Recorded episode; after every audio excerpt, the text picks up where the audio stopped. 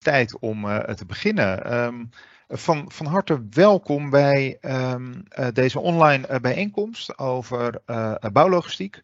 vijf jaar geleden zijn we vanuit het programma Stedelijke Transformatie gestart om samen met de overheids- en marktpartijen ja, te, te, kijken naar de binnenstedelijke gebiedsontwikkelingen om, om te zien wat voor vraagstukken daar, eh, daar spelen en ja, hoe we daar ook gezamenlijke oplossingen voor kunnen Ehm, eh, kunnen vinden.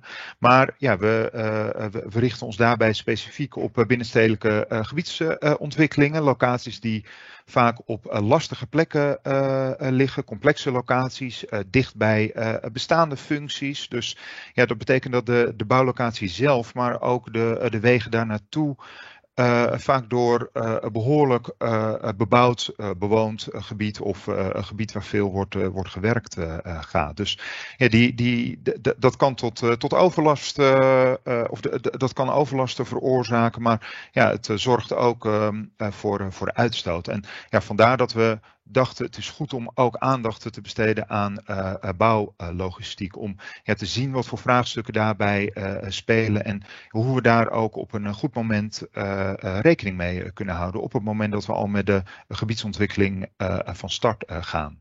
mijn naam is Maarten Horen. Ik ben projectleider ruimte bij Platform 31 en vanuit daar de projectleider van het programma Stedelijke Transformatie. En zal u vanmiddag door deze online themasessie heen leiden. Uh, na dit uh, welkom zal uh, zometeen eerst Eveline Botter van de gemeente Leiden ingaan op eigenlijk de aanleiding waarom bouwlogistiek vanuit de gemeente ook een, een, een, onderwerp is dat van belang, van belang is. Vervolgens zal Arjan Walinga van um, Bouw Nederland ingaan op de, de, de, vraagstukken die zij zien, maar ook de, de eerste Um, goede voorbeelden uh, die er uh, zijn, bepaalde experimenten die al zijn gedaan, ook om bijvoorbeeld CO2 te, te reduceren.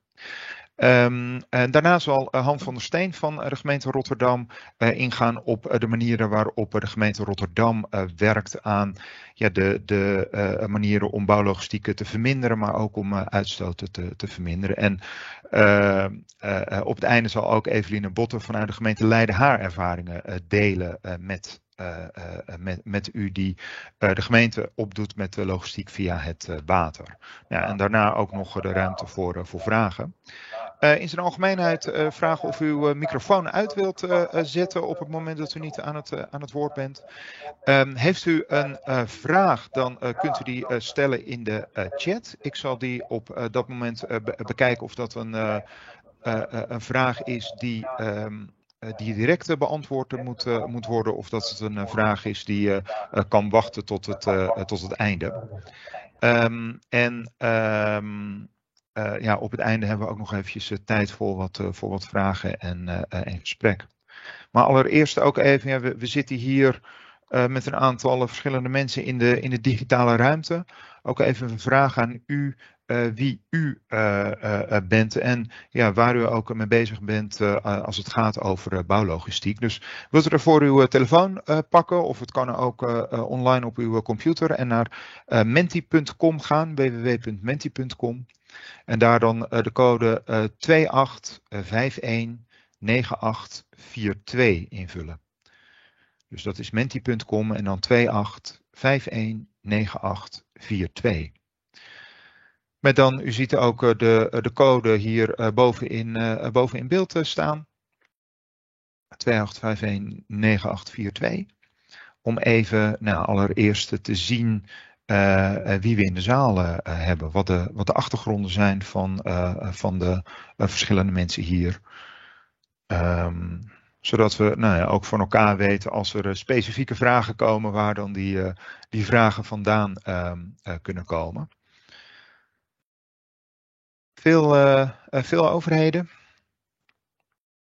Uh, aantal bouwers, ontwikkelaars. Die met de logistiek bezig zijn, adviesbureaus, kennis, kennisinstellingen. Maar ik mis volgens mij nog wel een paar mensen. Dus naar menti.com en dan de code 28519842 gaan. Kijk. Nou, dank u wel. Veel het, het, het, verandert enigszins, maar veel, veel overheden inderdaad. Um, maar ook ontwikkelaars en vanuit de logistiek. En dan ja, de volgende vraag. Als het gaat over. oh, dit is een oude, zie ik. Um, de vraag die hier moet, moet staan is: waaraan denkt u op het moment dat u aan bouwlogistiek denkt? Excuses. Daar heb ik even een foutje in het kopiëren van een sheet van de vorige sessie gemaakt. Waaraan denkt u als u aan bouwlogistiek uh, denkt? Twee antwoorden heeft u om het te geven. Dus waaraan denkt u als u aan bouwlogistiek denkt? En dus even niet kijken naar die, uh, die zin die daar bovenaan uh, staat. Waaraan denkt u als u aan bouwlogistiek denkt? Vervoersbewegingen, uitstoot, vervoer van materialen, gedoe.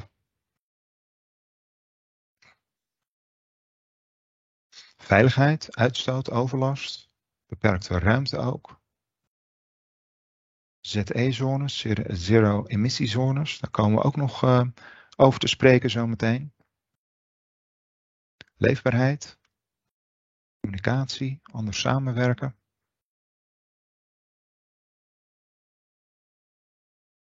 beperkte ruimte, overlast, veiligheid en leefbaarheid zijn toch en, en, en uitstoot zijn toch de thema's die veel, um, veel naar, eh, naar voren komen. En ook uh, communicatie. Planning. Ja, dank, u wel daarvoor. Ja, Eveline, eh, beperkte ruimte en, eh, en overlast. Zijn dat ook ehm, vanuit de gemeente Leiden de twee eh, onderwerpen waar jij direct aan moet denken als het om bouwlogistiek gaat? Of wat is voor jullie de, de reden om met de bouwlogistiek aan de gang te gaan? En dan even je geluid aanzetten. ja, het is een soort multitasken dan dan even om het geluid aan te zetten. En, uh, maar dan wil die gewoon even niet reageren. Sorry. Ja, dat kan, uh, dat kan gebeuren. Ja, waar denken we in Leiden aan? Vooral ook dat het een systeemverandering is. Hè? Dat het gewoon zo vanzelfsprekend is wat we nu doen. En als je terugkijkt, dan hebben we inderdaad beperkte ruimte. De stad is er niet op gemaakt, op al dat grote ehm, bouwverkeer. Maar dat gaat ook natuurlijk over fijne samenleving, uh, de binnenstad weer in zijn kwaliteit terugbrengen. Uh, en niet al het blik op straat. Ja, ja, ja. ja. Ja, zeker. ja, dankjewel. Je, je neemt ons even mee in de, de aanleiding waarom jullie vanuit de gemeente hiermee mee bezig zijn. En nou, volgens mij ook wel een aanleiding waarom eigenlijk iedereen hier aandacht voor zou moeten hebben. Ik ga delen. Ja, nee, ik zag al een geconcentreerde blik, dus ik vermoedde al dat je inderdaad bezig was om je presentatie erbij te, bij te zoeken.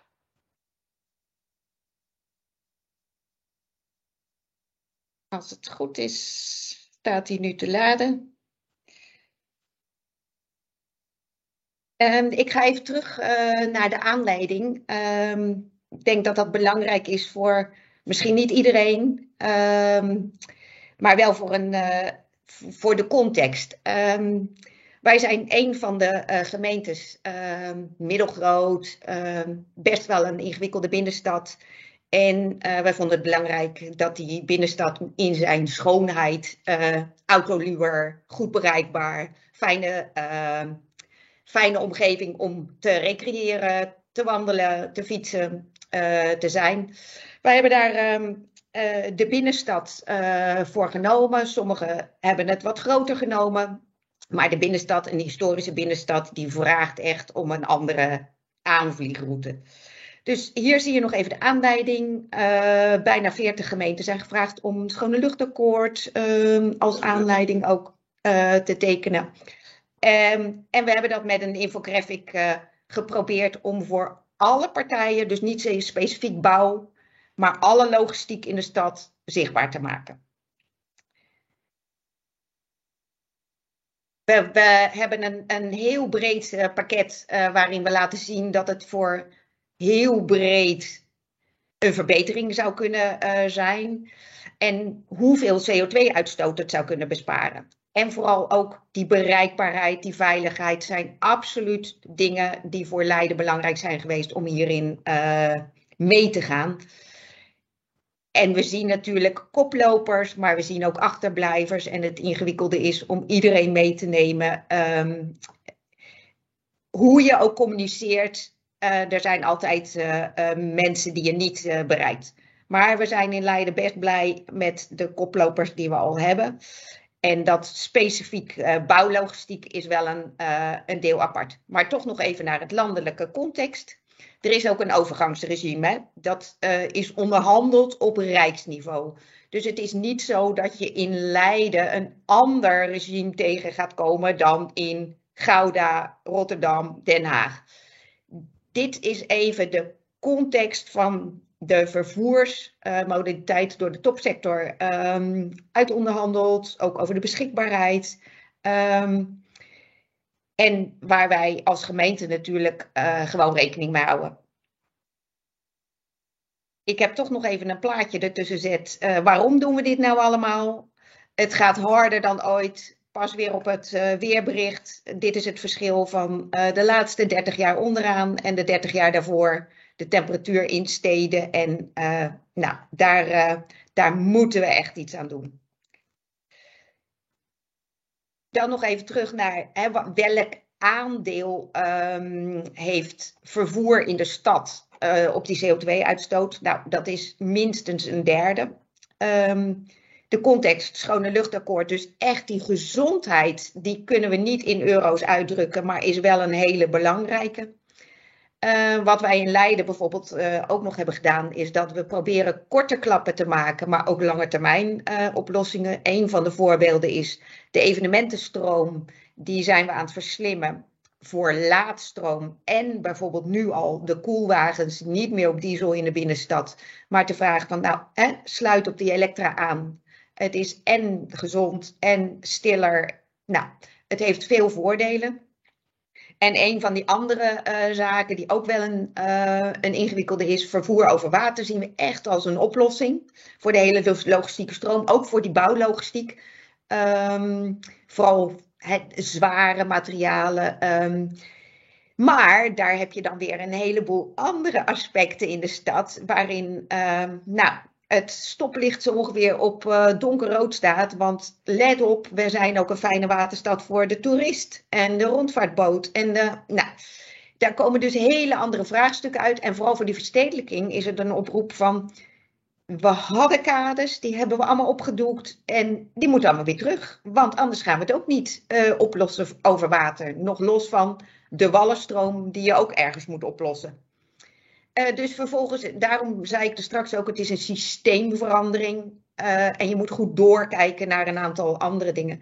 Maar we zien het in Leiden echt wel als een, een verlichting van de, um, nou ja, de, de stress op de straat. Veiligheid, groot vervoer over water, uh, kan meer gewicht hebben. Maar ook in Leiden zijn wij uh, helaas de, de minste doorvaarthoogte en de minste doorvaartdiepte. Dus wij roepen eigenlijk, als het in Leiden kan, dan uh, kan het overal. Dus als we het hier uitdenken, dan uh, kan iedereen ermee verder.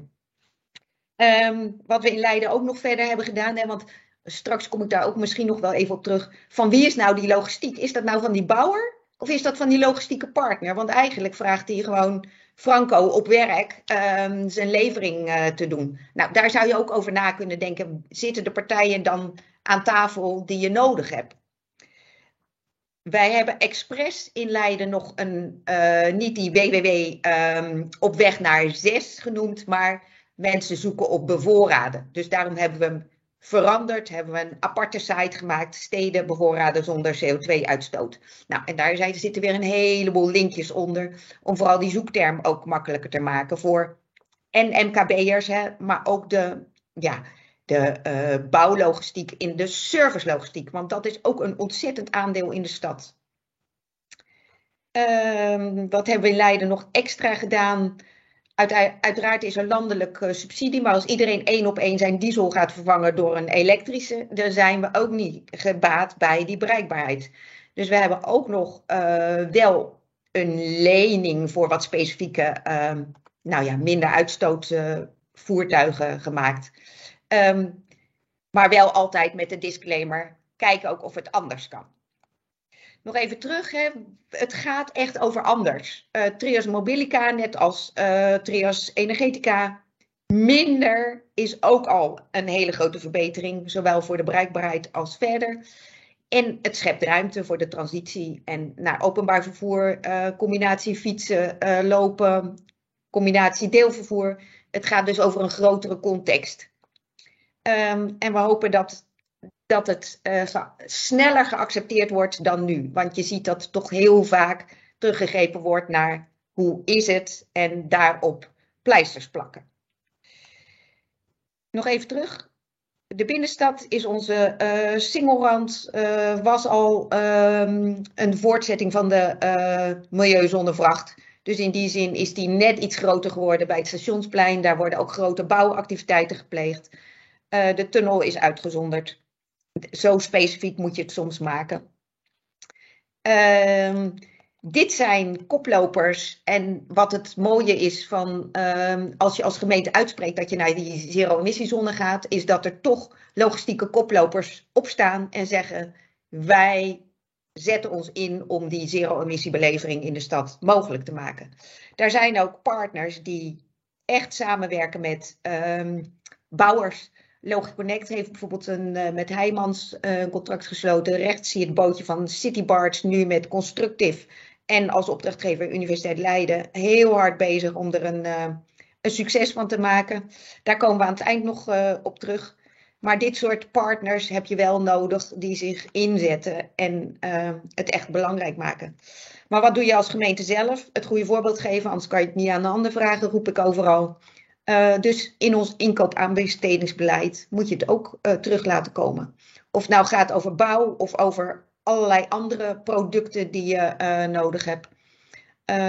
zeker ook. Maar onze inzet is ook om nou ja, verdergaand met circulair in de bouw bezig te gaan. En daar is nu ook de uitspraak van dat we in 2023 alles circulair uit gaan vragen. Maar er zijn ontzettend veel disciplines en partijen bij betrokken. En dat uh, wordt wel eens vergeten dat je in zo'n organisatie, bij zo'n bestelproces, werkelijk zoveel verschillende partners mee moet nemen, die overal hun eigen nou ja, bril op hebben, eer dat je zover bent. Hè? Of het nou over vergunningen gaat of over uh, evenementen, wat dan ook. Um, dat, dat is nog wat het ingewikkeld maakt. En beleid loopt eigenlijk altijd achter bij uh, de uitvoering. Nou, nog eentje, ja, dat is misschien minder uh, specifiek voor bouw. Um, maar voor een deel wel. Dit gebruiken we gewoon een lijstje als, uh, nou ja, wat kunnen de voordelen zijn? En dat zal niet iedereen um, voor 100% zien, maar voor een deel zit er altijd wel wat in. Maar we sturen de presentatie wel door, dus dan kan je daaruit putten. Dan ben ik volgens mij aan het eind van mijn eerste stukje. Ja, Eveline, dank je, dank je wel. Uh, goed om te zien uh, nou, vanuit het Schone Luchtakkoord en echt de, duurzaamheidsvraagstukken, uh, dat dat ook een aanleiding is voor jullie om hier ja, breed eigenlijk met de hele uh, stadsdistributie of stadslogistiek aan, de, aan de slag te, te gaan. En ja, de, de, de bouwlogistiek is er daar eentje van. Arjan, Arjan Walinga van Bouw Nederland. jullie zijn ook um, ja, bezig met de, de, de, de bouwlogistiek uh, daar ook al een aantal uh, experimenten mee uh, gedaan. Ehm, wil je ons daarin meenemen? Ja, zeker. ik moet ook even worstelen op mijn microfoon. Evelien en ik hebben dezelfde frustratie dat Microsoft steeds weer knopjes op een andere plek zit. En ik ben toch redelijk op leeftijd aan het komen en dus ook uh, zit vast aan gewoontes. Dat is wel een, een, een confronterend uh, dingetje. Maar als je dat herkent of niet herkent, dan, nou, dan weet je ongeveer hoe oud ik ben. Um, de, ik ben blij dat ik jullie het woord mag staan. Ik vind het leuk omdat ik de lijst ook even heb gekregen met mensen. En Eveline en Maarten en ik zaten van tevoren voor te praten. Het is een heel divers publiek. Er zullen ook een aantal mensen zitten die, die zullen mij zeggen: Arjen, ik ben een bouwer, ik snap echt hoe het werkt. Dus uh, nou, dan mag je even een kopje koffie halen, zeiden we al. Maar uh, het, het, het, het, verhaal zit wel redelijk logisch in elkaar en er zit ook wel een draad in. Dus ik zou je toch willen uitdagen om het geheel te gaan proberen te volgen. Um, Ik heb ook een presentatie daarbij. 36 sheets. Nou ja, hij is wel 36 sheets. Dat zie je namelijk onderin zo meteen. Maar ik ga daar een beetje kriskras doorheen. en ook een beetje op basis van wat ik net heb gezien in de, in de, in de, in de Word Cloud. over gedoe, et cetera. Um, oh jee, ik zit helemaal aan het begin. Ik zat net nog wat aan te passen. Dan krijg je dat. Hè? Um, laat ik als volgt beginnen. Ik, ik, ben werkzaam bij Bouw Nederland. We hebben 4500 leden, van heel klein tot heel erg groot. En die werken in alle gebieden van Nederland. ik doe dat nu een jaar of twaalf. en ik ben tien jaar, elf jaar geleden begonnen met het agenderen, samen met een heleboel andere partijen natuurlijk. Van, van wat is nou bouwlogistiek en waarom is het zo belangrijk? Het begon een beetje vanuit een frustratie van veel leveranciers die zeiden jullie doen maar wat, jullie bestellen maar Franco Huis, je denkt niet na over hoeveelheden en s ochtends wordt er nog heel veel bijbesteld, kan dat niet beter? Ik moet zeggen, ik moest ze eigenlijk wel gelijk geven. Uh, ze hadden gewoon gelijk, het ging super inefficiënt. Alleen wij merkten dat het bouwbedrijf niet, omdat het allemaal Franco Huis was. Dus we zijn er toch eens uh, goed ingedoken. En dat leidde uiteindelijk tot nou, best wel mooie oplossingen, ook met bouwbedrijven, installateurs, gemeentes. kijken hoe kan je nou stimulansen geven als gemeente of als gebiedsbeheerder, als onderdeel van die keten, of je nou een bouwer of een installateur bent, als vervoerder en ook als fabrikant en leverancier, want daar is een groot verschil tussen. Nou, en, en, die optelsom van successen, die probeer ik nu in 20 minuten, waarvan ik er nu nog 18 heb, besef ik me heel goed, Maarten, een beetje bij jullie onder de aandacht te brengen. Maar om te beginnen, als je naar bouwlogistiek kijkt en je gaat dat echt verbeteren, dan win je op drie vlakken. En eigenlijk is voor elke partij die ik net noemde, is er iets te winnen. En dat zo begon het ook tien jaar geleden. Of je nou bewoner bent en je hebt last van de fijnstof, of je nou milieuactivist bent en je vindt het stikstofprobleem een probleem, of het CO2-probleem, of gewoon als betrokken uh, uh, bewoner. Of je nou veiligheid een issue vindt, hè, dus het aantal verkeersongevallen in de stad. Of je nou baalt van de congestie of het de parkeerproblematiek als bewoner. Of dat je nou zegt van nou, ik ben een ondernemer en ik zou graag wat meer efficiëntie in mijn kosten willen maken. Zodat ik nog een beetje verdien aan een bouwonderneming. Eén ding is helder dat als je je logistiek goed organiseert, uh, dat het dan een stuk uh, makkelijker wordt. Nou, we gaan kijken waar zitten de mogelijkheden. Dus, dus, we kunnen zeggen ja, het moet beter, maar als het niet beter kan. En dit is gewoon wat we moeten accepteren, dan zijn we op zich klaar. Maar er zijn hele grote uh, gebieden waar je gewoon procenten, procentpunten, misschien zelfs tientallen procenten kan winnen. Nou, uh, Baan Nederland, even in het kort. het grootste deel van onze leden zit midden bovenin. Dat is de ambtswoning van de burgemeester van Noordhoorn. En daar heeft de firma uh, Freek Kooi heeft een uitbouw geplaatst. Nou, dan moet je je voorstellen, van de 4500 leden zitten er ongeveer, ja, net hoe je telt, maar ze hebben eigenlijk 3000 leden met de, met de ondernemingen van de grote erbij. Dus laten we zeggen 3000 entiteiten. Daar zitten er 2200 in ongeveer dit veld. En dan zit nog een grote. Uh, uh, we hebben ook leden, die plaatsen een tunnel onder een gebiedje in Rotterdam. de Zalmhaventoren maken een eilandje en, en doen indrukwekkende werk op de Zuidas, zoals je ziet. Dit is een beetje de achterban van onze wereld. Uh, ik laat dit zien, niet alleen om te vertellen van hoe uh, breed wij wel niet zijn, maar vooral ook hoe lastig het is. En je zou kunnen zeggen dat na tien jaar lang logistieke optimalisaties uitvinden, er heel veel is bedacht voor die grote partijen, maar nog verdacht weinig is gebeurd voor de kleinere partijen, terwijl daar wel de meeste ondernemingen zitten, de meeste mensen werken en ook de meeste omzet en uh, werken vandaan komen. Dus dat is even om de diversiteit van het thema te, te snappen. Nou, als we kijken naar de economische ontwikkelingen, diep in de crisis 2008 hadden we 50 miljard omzet slechts. Uh, en inmiddels zitten we bijna op de 90 miljard omzet. Dus dat het drukker geworden is in de stad, heeft niet alleen te maken met die omzetgroei, maar heeft ook sterk te maken met het feit dat we vanuit de groene gebieden in diezelfde periode nu allemaal in die stad aan het bouwen zijn. Dus dat het druk is op de, bij de bouwmarkt en dat de prijzen omhoog gaan, dat heeft niet alleen te maken met schaarste, heeft ook gewoon te maken met het succes van onze economie. Nou, dan kunnen we een verhandeling gaan houden over wat is goed en hoe hard moeten we groeien. Dat gaan we nu niet doen. Um, maar wat ik jullie wel wil laten zien is hoe de bouw uh, in het kort in de afgelopen tijd is veranderd. Rechtsboven, uh, je kan het nog een beetje aan de badkleding van de kinderen zien, zie je de ERA flat. Uh, werd in 1960 massief in Nederland gebouwd. Staat overigens nog steeds veel in Nederland. en dat waren flats waar we eigenlijk heel erg tevreden over waren. Als je nu gaat kijken naar een flat met de normen van vandaag, linksonder, daar zie je de BAM 0 op de meter flat ergens in, uh, nou, ik weet niet precies waar die echt in het land staat. Daar zitten hele andere eisen aan. De bouwwerken in Nederland zijn ingewikkelder geworden. Techniekgroepen moeten samenwerken. Er zitten meer materialen in. Er zitten meer mensuren in. Omgevingseisen nemen toe. Uh, met andere woorden, bouwen in Nederland is complexer geworden. Dat is helemaal niet erg. Daar klagen we niet over. Daar hebben we gewoon hele slimme mensen voor nodig.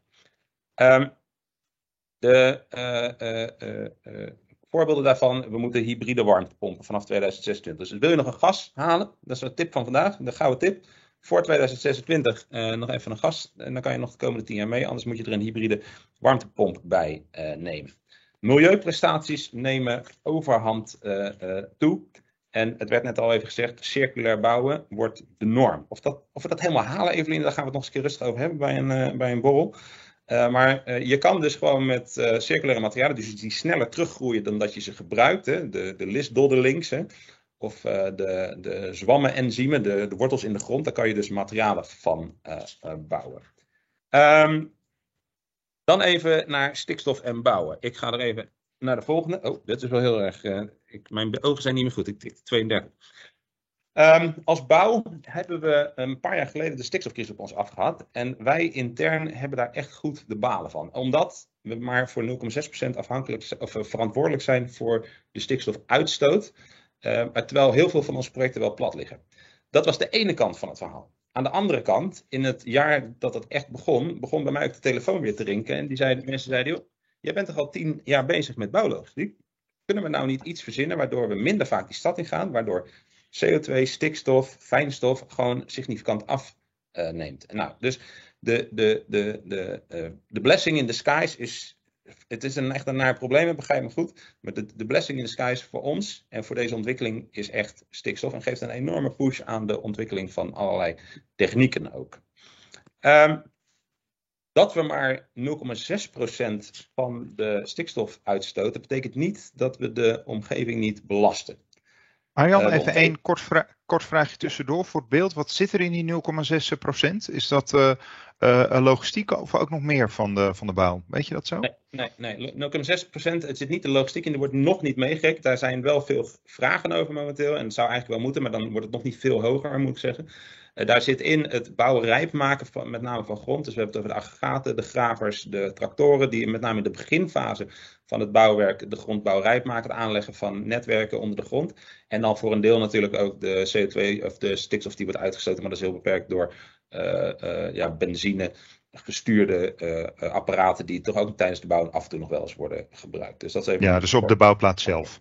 Op de bouwplaats zelf, ja. Ja, ja. helder.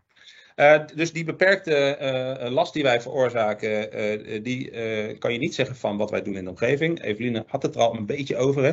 Wij vervoeren 232 miljoen kilo totaal van het gewicht. Nou, dat zou je denken, nou dat valt nog wel mee. Maar in de binnenstad veroorzaken we 27% van de CO2-uitstoot. Nou, prachtige getallen. Ik had het aan het begin over wat is dan de eventuele win die daar nog uit kan halen. En dit zijn de getallen die wij door metingen op bouwplaatsen hebben gedaan. Ik pak de tweede er even uit als eerste. We zijn gaan meten op een eh, bouwwerk van Ballas Nederland toen. En dat was de Amstel Campus. En daar hebben we studenten laten klokken hoeveel procent van de tijd doet een medewerker, een professional, dus een, een, bouwkundige, nou de taak die die moet doen. Lees een tegel, zetter, zet tegels, hoeveel procent van zijn tijd. Een cellenbetonblokkenlijmer bouwt cellenbetonblokkenwanden. In hoeveel procent van zijn tijd is die echt aan het bouwen. En ze kwamen helaas niet verder dan tussen de 40 en de 50. Het is van een paar jaar oud, maar we hebben reden om aan te nemen dat dat misschien nu op 55% zit.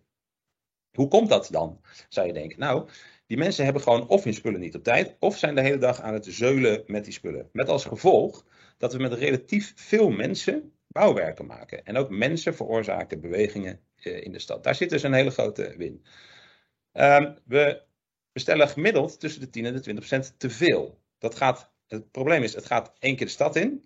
Het wordt niet verwerkt. Het gaat ook nog een keer de stad uit in, in, in een vuilcontainer. Dus daar is ook veel te winnen. Uh, maar de allerbelangrijkste, die staat bovenaan, uh, sorry, uh, de onderste bedoel ik, is dat vrachtwagens die de stad ingaan voor slechts 30% gemiddeld beladen zijn. En dan hebben we het niet over een lege terugvracht. Misschien is dat tegenwoordig tussen de 30 en de 40, maar ook daar, als je slimmer vervoert, dan kan je een heleboel bereiken. Dit is even de, de win die je zou kunnen doen. Goed verhaal, zeg je dan misschien. Maar hoe doe je dat dan bijvoorbeeld? Uh, eerste voorbeeld. Uh, de Trip Utrecht. Uh, project van Volker Wessels van een aantal jaar geleden. in dit project, de Trip zelf is het gebouw wat je hier met die schuine daken ziet, hè, met, die, met die zonnepanelen erop.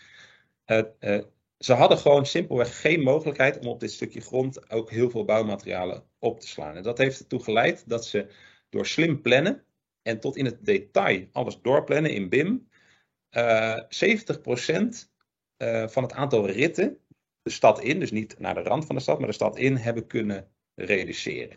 En in het schemaatje daarnaast, en ik zal via Maarten ook wel de, de, uh, de, de, getallen verspreiden. Google eens op TNO, de verslagen van de trip Utrecht. En daar zie je welke maatregelen je dan met elkaar kan nemen. En dan kom ik op het punt waar, je, um, waar Evelien het ook al even had. Wat gun je elkaar nou uh, als stad en als bouwer? Want eigenlijk heb je dezelfde doelstelling. Wij willen uh, vriendelijk bejegend worden door de mensen in de stad. Wij willen bouwen met plezier en we willen de omgeving zo weinig mogelijk belasten. En dat is eigenlijk een doelstelling die iedereen heeft. Dat je met minder, goederen naar, minder bewegingen dezelfde goederen naar binnen haalt, dat is alleen maar goed voor de stad en is ook nog eens een keer goed voor de portemonnee. Dus daar vind, vinden we elkaar uh, behoorlijk. Er zijn eigenlijk grofweg voor steden, want ik zag dat er veel steden ook zaten, uh, twee instrumenten die je kan geven. En een beetje afhankelijk van de rol die je hebt. In de eerste plaats zou je opdrachtgever kunnen zijn. Uh, je doet een aanbesteding voor een, voor een groot werk. Het zijn eigen gebouw of een infrastructureel werk. Of je doet een onderhandse opdracht voor een fietspad of een tunnel of iets dergelijks. In dat geval kan je met slimme ENVI-criteria, die zijn ook ontwikkeld, kan je allemaal naslaan of via mij krijgen, de bouwer uitdagen om ook daadwerkelijk met minder bewegingen de stad in te gaan. Het tweede instrument, het zijn er eigenlijk drie, maar het meest effectieve zijn eigenlijk twee instrumenten, is het BLVC-kader inderdaad, het bereikbaarheid, leefbaarheid, veiligheid en communicatiekader.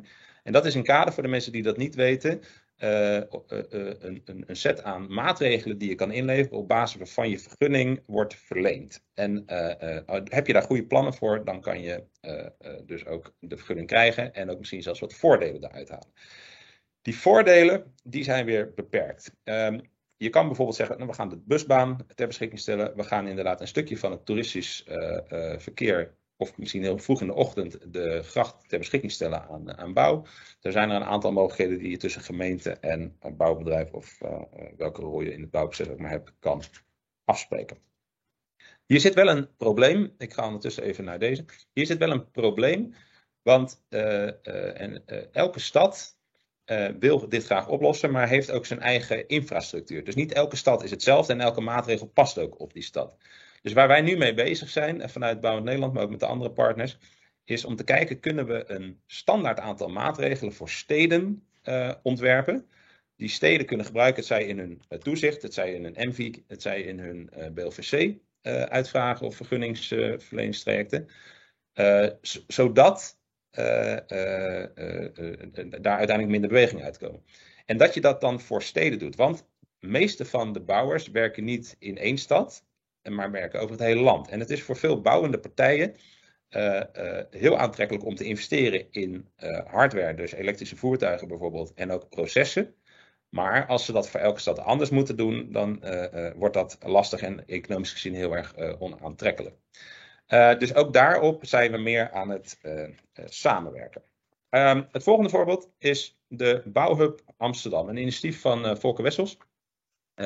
en ik doe niet aan leden voortrekken, maar Volker Wessels is een gerespecteerd lid van ons. maar het mooie bij deze Bouwhub is dat hij ook beschikbaar is voor andere partijen. Dus hij fungeert als een white label, terwijl er een partij achter zit. En je kan gewoon capaciteit inkopen. En deze Bouwhub is aan de rand van Amsterdam gebouwd door marktpartijen opgezet. En, uh, en, dat weet ik niet helemaal zeker, maar ik vermoed ook dat de afstemming tussen de gemeente en uh, de investeerders uh, ook op tafel is geweest. Een slim concept om uiteindelijk die last mile, want uiteindelijk moet je wel de spullen naar de bouwplaats krijgen, met elkaar te gaan regelen. laatste praktische voorbeeld, waar je nu naar kijkt. links is het gebouw zoals die af is. rechts is het gebouw in aanbouw. dit is Rijswijk uh, Plaspoelpolder, een van de oudste industrieterreinen die nu grondig op de schop gaat, met nul ruimte om te bewegen. Nou, wat TBI hier heeft gedaan, en dat is een hele belangrijke voor de, uh, de, de, de bimmers en de procesmannen en vrouwen onder ons. Zij hebben gezegd, elk boutje en moertje, elke beweging gaan we tot in het meest gedetailleerde niveau met elkaar regelen. Dat dus betekent dat wij in een BIM-model, een BIM-model voor degenen die het niet weten, is een bouwmodel in 3D met meer informatie, met ook met tijdsvolgorde. Dus de de, de geometrische indeling van het gebouw wordt gemaakt. En daarnaast zeggen we welke volgorde van welke delen wordt wanneer geplaatst en welke mensen heb ik daarvoor nodig. En we zeggen vaak een 3D BIM-model, een geometrisch model, plus tijd is de basis voor je logistieke model. En met dat logistieke model, als dat allemaal bestelbaar is en op bit- en byte niveau ook met elkaar uitgekoud is, dan kunnen we daar ook de leveranciersplanning uithalen en ook de personeelsplanning en de... Ze hebben nog iets bijzonders gedaan daar, dat gebeurt ook op andere projecten. Ze hebben runners geïnstalleerd. Dat betekent dat uh, mensen die op de bouwplaats zijn en hun specialistische taak moeten uitoefenen, bovenin op die elfde verdieping, dat ze één, naar het toilet kunnen, heel erg praktisch, want er staat gewoon een dictie, netjes schoon. En twee, dat de spullen, maar ook de materialen en de, het materieel, dat dat er gewoon ligt, zodat je aan de slag kan, zodat ook die percentages omhoog gaan. En toen ik uh, aan het eind van dit traject, toen het er stond met uh, de directeur van uh, TBI sprak, die dit had georganiseerd, Pieter Jan Heijboer, toen zei ik van nou, geweldig. Dit ga je natuurlijk op al je projecten doen. Want hij vertelde mij, wij zijn tot 50 of 60 procent sneller geloof ik door het hele afbouwproject gegaan. Ik zeg, dus dan heb je een goede kaskraker gehad. En toen zei hij, ja, daar moet ik je helaas wat teleurstellen. Want wij hadden eerst het VUO2-project waar we dit hebben gedaan op een veeltje. Toen in Excel op een volgtraject. In het derde traject hebben we deze nu. En we, spelen nu pas Kiet. Dus de gedachte dat je die perfecte planning en ook de fysieke uitvoering daarvan tot in detail regelt met elkaar. En dat in één project terugverdient, moet je heel snel uh, loslaten. En dat geldt eigenlijk met heel veel uh, investeringen die we hebben. Um, hoeveel tijd heb ik nog, Maarten? Want ik kijk even naar de. Uh, nog um, twee minuten. Ah, ja. Uh, dan ga ik iets vertellen over prefab. Want wat je de stad niet in hoeft te brengen, uh, daar belast je de stad ook niet mee. Dus wat wij zien is dat een aantal bouwers nu heel veel investeren in prefab. prefab in de infra, prefab in de woningbouw. Je ziet hier de Plechtfosfabriek in het noorden van Nederland. Van daar beneden zit Van Wijnen. En daar komen kant-en-klare woningen uit. En als je dan zo'n woning voor je ziet, om even met de woorden van de Plechtfos te spreken, dan zie je zo'n wand. En in die wand zit een kozijn en er zit elektronica en er zitten leidingen. Stel je eens voor hoeveel bewegingen zou deze wand aan mensen, spullen en materieel hebben veroorzaakt. En die brengen we in één keer de stad in. En daar wringt wel een beetje de schoen. En ik heb het daar eens eerder met Evelien over gehad. We waren het daar hardgrondig over eens. Uh, en eerst oneens en toen over eens. Dat de regels die gelden voor zwaar transport de stad in eigenlijk zouden moeten worden aangepast. Omdat wij steeds zwaardere elementen maken. Dus wij zien een, een beweging in, bij onze leden en de andere partners in de branche. Dat zij geprefabriceerde materialen maken die per definitie zwaarder zijn. Terwijl de, het aanbod van machines, uh, dus lees vrachtwagens, elektrische vrachtwagens waarmee we dat uh, de stad in kunnen brengen, nog achterblijft. Uh, en, en dat is best wel een probleem. Misschien kunnen we het daar zo meteen nog even over hebben. Er komen vaak veel vragen over, Maarten. maar om even de getallen erbij te halen. Momenteel is 0,6%, ik begin met het vrolijke getal, 0,6% uh, van het, het, transport in busjes, et cetera, dus de bestelauto's, is geëlektrificeerd of in ieder geval emissieloos, laat het zo noemen. En let wel, 0,1% van het vrachtvervoer in Nederland rondrijdend en aanwezig is ook elektrisch. Dus, dus daar zien we een noodzaak om de productie, en ook daar zijn we in de lobby natuurlijk heel druk mee bezig, om de, de productie van dat materieel bij de fabrikant en niet bij de ombouwers, want dat is een hele mooie tussenstap die we hebben, om die enorm te gaan versnellen. En daar zijn we ook met EZK en uh, BZK en INM druk over bezig. Dan kijk ik nog even naar mijn sheets. Ik denk dat ik het daar voorlopig even bij laat, Maarten. Behalve dan nog even de laatste sheet, want die hadden jullie al gezien. nou, één ding is helder. Het lijkt wel een constante geworden dat we crisis bij optellen. En eigenlijk zijn de crisis bij opgeteld weer redelijk normaal. En ergens is het ook wel spannend. Want het stelt ons voor grote uitdagingen. En daar houden we als het Nederlands volkje best wel van, volgens mij. Dus uh, de toekomst, ik vind hem heel erg spannend. Ik vind hem ook leuk. Hij is best problematisch. En één ding is helder. Het gaat nog veel sneller de komende jaren. dus we zullen nog sneller moeten schakelen. Processen aan beide kanten, zowel aan de marktkant als de overheid, moeten versnellen. Althans, de doorlooptijden verhogen. En dan kunnen we samen, en dat hebben we bewezen in die projecten, echt ongelooflijk grote stappen. Veel sneller de komende jaren. Dus we zullen nog sneller moeten schakelen. Processen aan beide kanten, zowel aan de marktkant als de overheid, moeten versnellen. Althans, de doorlooptijden verhogen. En dan kunnen we samen, en dat hebben we bewezen in die projecten, echt ongelooflijk grote stappen maken. Daar wil ik het voorlopig even bij laten. Dankjewel Maarten. Ja, Arjan, uh, dank, je, dank je wel. Uh, duidelijke toelichting. Um, je richt het de, de, de sterk, um, uh, heb het idee, op het reduceren van uh, het aantal vervoersbewegingen. De, nou, het, hetgene wat uh, Evelien ook al aangaf als een van de mogelijkheden om er, om er naar te kijken. Op het einde, een van de andere mogelijkheden van de trias mobilica, zoals Evelien dat noemde, um, had je het ook nog even over het, de, de, het uitstotenloze. Uh, je gaf aan, 0,6% van transport in busjes is emissieloos. Ja. Uh, dat, dat lijkt me nog wel uh, overkomelijk dat dat in hoog tempo emissieloos kan worden, die busjes. Dat is lastig, maar dat is de makkelijkste inderdaad. Ja, dat klopt. Ja. En hoe zit het met, het, met dat zwaardere vervoer? Want je, je zegt wel dat 0,1% van het vrachtvervoer is elektrisch. Nou, ja. Dat betekent dus dat het merendeel het niet is, maar dat het dus kennelijk wel deels mogelijk is. Uh, uh, het is niet verkrijgbaar en het is er niet. de tussenvormen zijn er wel. dus wat je ziet, en dat geldt dus voor vervoersmaterieel, lees vrachtwagens en de verschillende uitvoeringen. en ook in, de, in het materieel, dus de, de, zeg maar de grote gra graafmachines, et. Daar is het ook nog niet of heel beperkt met een showmodel. En wij zien dat de fabrikanten uh, reageren op de wereldmarkt en niet op onze markt. Dus wat wij nu aan het uh, voorbereiden zijn met de overheden, maar daar kan ik heel veel over vertellen, is een, het maken van een deal. Uh, de stikstofwet is, is een van de startpunten geweest van het maken van die deal. Daar is veel geld uitgekomen om de tussenvorm, lees het, slimmer worden in termen van waterstof aangedreven, et cetera, te doen als je gaat kijken naar het zwaardere, en, en, daarmee bouwen we dus heel veel kennis op. En in die deal krijgen we daardoor weer, uh, kunnen we iets terugleveren aan die fabrikanten. Plus het optellen van het vermogen van Nederland. Nou, dan worden ze niet heel blij van, maar laten we de vermogens in Europa ook eens even optellen. En is het aannemelijk uh, dat andere landen in Europa dezelfde problematiek, het zij door stikstof op een andere manier krijgen. Nou, dan zijn de signalen in die zin positief. Meer landen zullen dit probleem krijgen vanuit natuurbehoud, et cetera, of uh, dus dus da daar, daar zijn we een deal aan het maken om te kijken of kunnen wij dat deel uh, specifiek uh, financieren vanuit de EU, vanuit Nederland, om uiteindelijk die versnelling te doen. Een van de belangrijkste problemen, waarom zou je dan in het grote dan ook niet van die tussenvormen krijgen? Nou, als ik dat tegen een bouwer zeg, dan zeggen ze, beste Arjen, ik koop een graafmachine van een miljoen.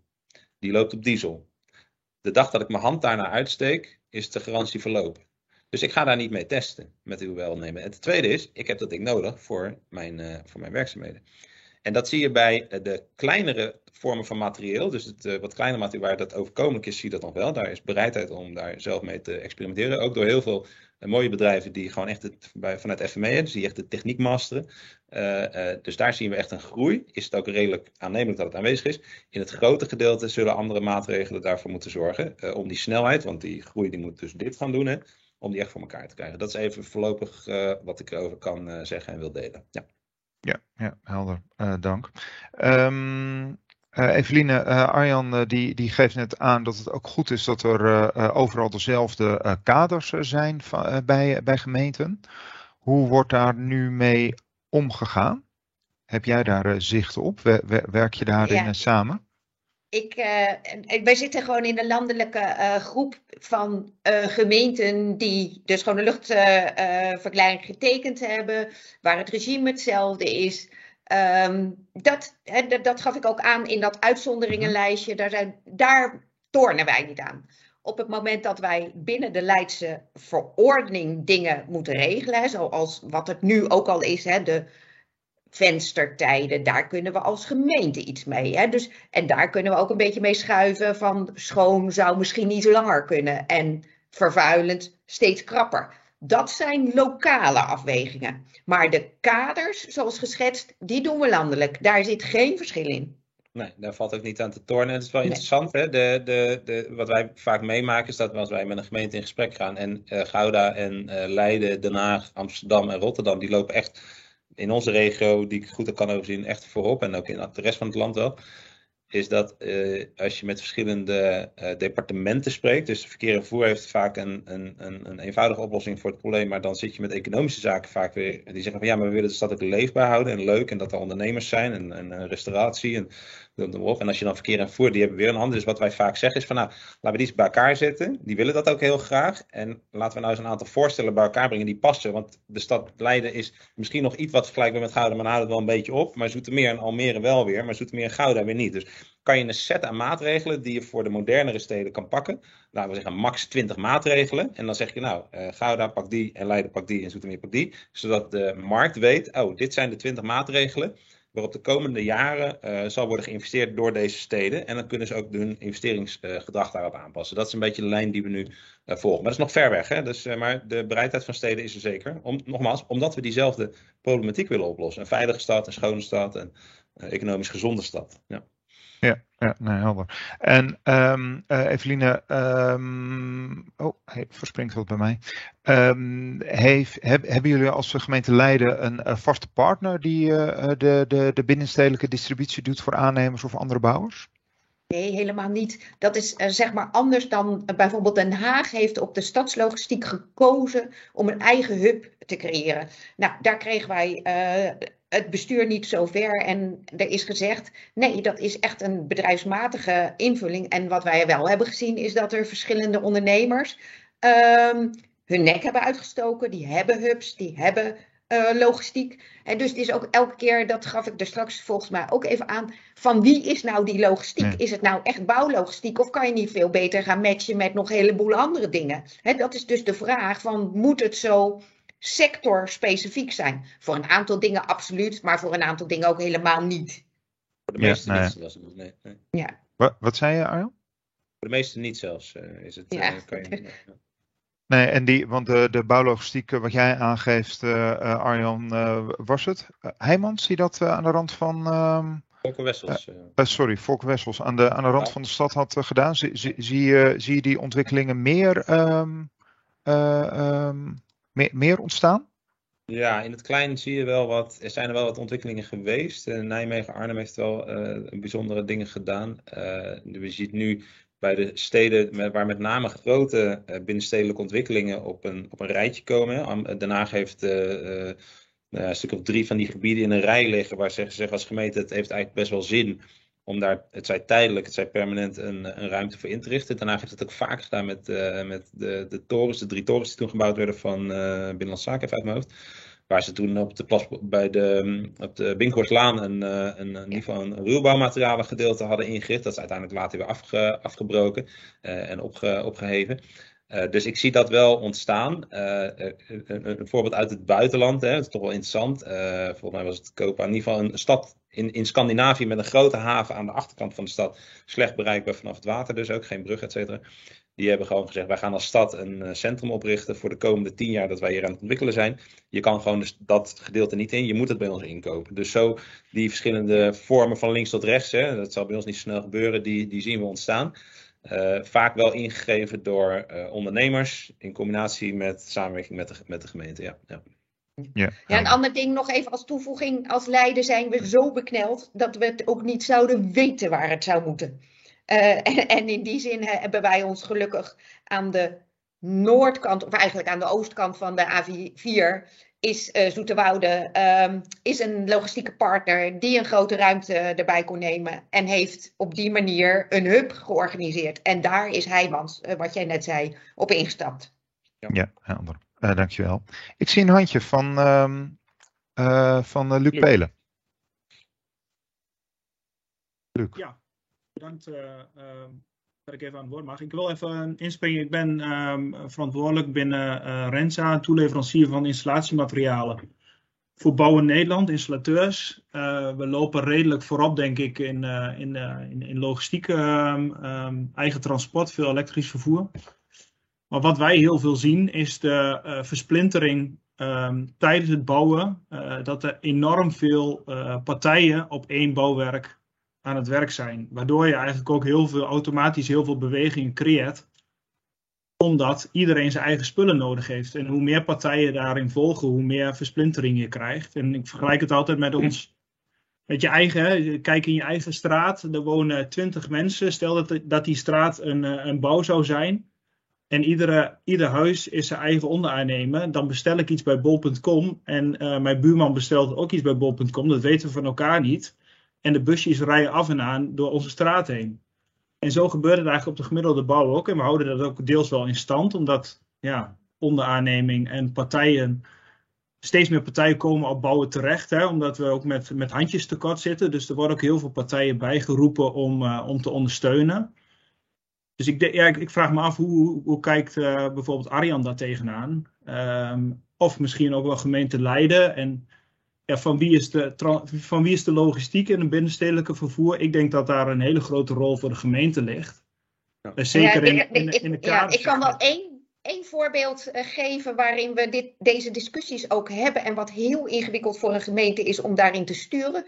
PostNL is zo'n uh, speler die zegt ik wil graag in de openbare ruimte postkasten plaatsen. Hè, over die pakjes. En wij hebben geëist dat dat een multi-user pakket moet worden. Anders ben je niet welkom in de openbare ruimte. Wat een discussie daaraan vooraf gaat, want dat is de manier waarop je en met elkaar de beperkte ruimte die je hebt eerlijk verdeelt. En dan is het niet het opleggen dat het via PostNL moet, want dan kan je nog steeds het uh, pakje uh, ophalen als bewoner. En, en het speelveld van die logistiek is dus zo aan het veranderen. En, en bij wie hoort het, heb ik al een paar keer gezegd, hè? ook voor die bouw. Uh, eigenlijk geef je dat ook aan. Um, hoe kunnen we dat optimaliseren en dat die data ook gedeeld wordt om te optimaliseren? En dan zie je dat je in mekaars keuken gaat zitten kijken en dan is het een concurrentiepositie. Of het nou gaat over de horeca en de versleveringen. Uh, je wil het niet weten waar we dan allemaal tegenaan lopen eigenlijk vinden wij als gemeente dat wij er niet van zijn, maar helpen we vooral inzicht te geven van jongens, ga anders samenwerken, want dat is je winst in tijd, in handjes, in, hè, want eh, zelf geef je ook aan, die handjes zijn beperkt en die wil je toch niet laten inzetten voor die logistieke processen, dat wil je, wil je eigenlijk helemaal niet. Nee, dus waar die omslag nou precies zit, volgens ons hè, niet zozeer in um, de stad op slot verplichten, dat soort dingen, dat is best heel lastig. Um, en je hoopt dat, dat ze het gaan uh, ervaren. Ja, ja misschien alles, kan ik daar nog wat op aanvullen, want ik, ik herken wat je zegt, Eveline. Eén uh, uh, momentje, want ik wil ook graag eventjes met de, met de inhoud door en wil ja. nog even één snelle reactie hiervan op uh, van, uh, van Arjan. maar ik vind het nog wel even interessant om, ehm, als we tijd hebben op het einde, om hier nog even op door, door te gaan. Ja, dat is goed. Ik zal het proberen kort uit. Uh, de, de, de, vraag is wie is nou verantwoordelijk voor het bouwwerk? En, dat is, uh, en wie coördineert het bouwwerk? Dat is de bouwer. Dat, dat, hij een, uh, dat hij daaronder een hele berg aannemers heeft die dat allemaal voor hem doen, maakt hem niet onverantwoordelijk daarvoor. Dat hij ermee wegkomt, ligt gelegen in het feit dat hij niet gecontroleerd wordt en dat hij niet beloond en dan wel gestraft wordt voor het aantal leveringen. En dan dringt de vraag zich op, wat is nou een normaal aantal bewegingen voor een, voor een bouwwerk? Nou, Bouw van de Tuk, die was laatst bij me, die zegt, wij hebben een een BIM-model gemaakt. Wij kunnen exact aantal leveringen. En daarmee kunnen we ook zeggen van, hey, als we dit en dat doen en we dit en dat met gemeente afspreken, dan kunnen we terug naar dat. Nou, dan, ga je dat bouwwerk maken en dan wordt er niet toegezien. Ik laat één heel kort plaatje zien en wat, wat hier de oplossing voor is. En de vraag is, vinden we dat uh, prettig als uh, Nederland? En het plaatje laat dit zien. Het is een, een camera op straat aan het begin van de poort, hier rechtsboven. en die camera die registreert mensen met PBM's. Dit gaat over AI en veiligheid, maar ook over AI en logistiek op de bouwplaats.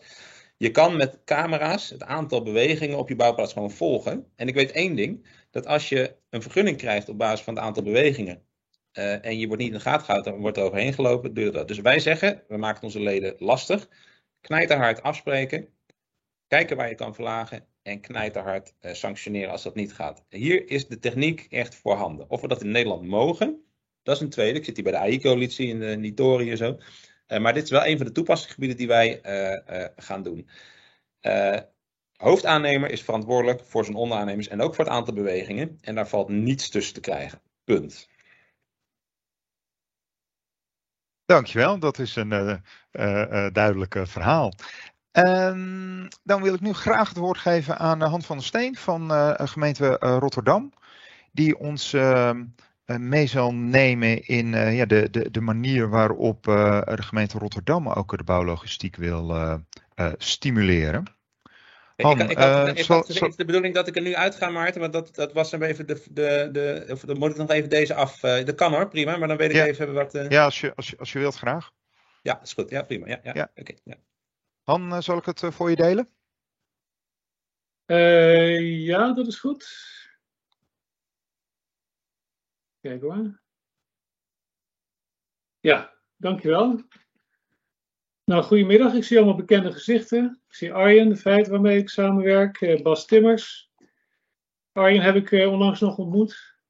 Dus volgens mij is het een hele hechte club hè, waarmee we werken aan bouwlogistiek.